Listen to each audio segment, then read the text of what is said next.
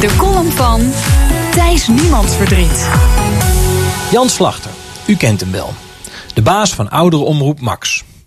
De man van heel Holland bakt en sterren op het doek. Slachter is een gewiekste jongen.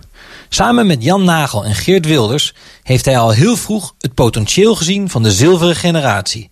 Ze zijn met ontzettend veel, kijken graag televisie en gaan altijd stemmen. Deze week verscheen het manifest Waardig Ouder Worden. Met voorstellen om het leven van ouderen aangenamer te maken. Meer mantelzorg, minder eenzaamheid. Omroep Max van Jan Slachter was een van de initiatiefnemers. En dat vond niemand vreemd. Maar hoe normaal is het eigenlijk? Het gaat hier om een manifest dat is ondertekend door onder meer de SP, de ChristenUnie en de PVV. Omroep Max steunt op dit moment ook nog een andere campagne die veel aandacht trekt. Het Nationale Zorgfonds van de SP en 50PLUS. Je kunt dat sympathiek vinden. Engagement bij de publieke omroep. Fijn.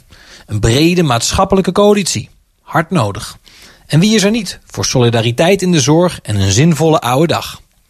Maar stel, de FARA zou samen met D66 een manifest schrijven voor een humanere opvang van asielzoekers. Ik denk dat je de reacties op rechts wel zo'n beetje kunt uittekenen. Kamervragen, hoon van ponius, emmers drek op sociale media. Of Omroep WNL lanceert samen met de VVD een 10-puntenplan voor meer veiligheid op straat. Ik denk dat je de reacties op links wel zo'n beetje kunt uittekenen. Kamervragen, hoon op joop.nl, emmers drek op sociale media. Toch is wat Omroep Max doet precies hetzelfde. Politiek partij kiezen. Want kiezen voor waardig ouder worden met de ChristenUnie is kiezen tegen een verruiming van de euthanasiewetgeving met D66. En kiezen voor een nationaal zorgfonds met de SP is kiezen tegen een systeem van zorgverzekeraars met de VVD. Ter verdediging zal Jan Slachter zeggen: Jongens, het is allemaal niet zo zwart-wit. Het gaat om het maatschappelijk doel. Beste Jan, ik kan je verzekeren. Zo denken de betrokken politieke partijen er niet over. Voor hen zijn dit echte politieke keuzes met echte politieke gevolgen.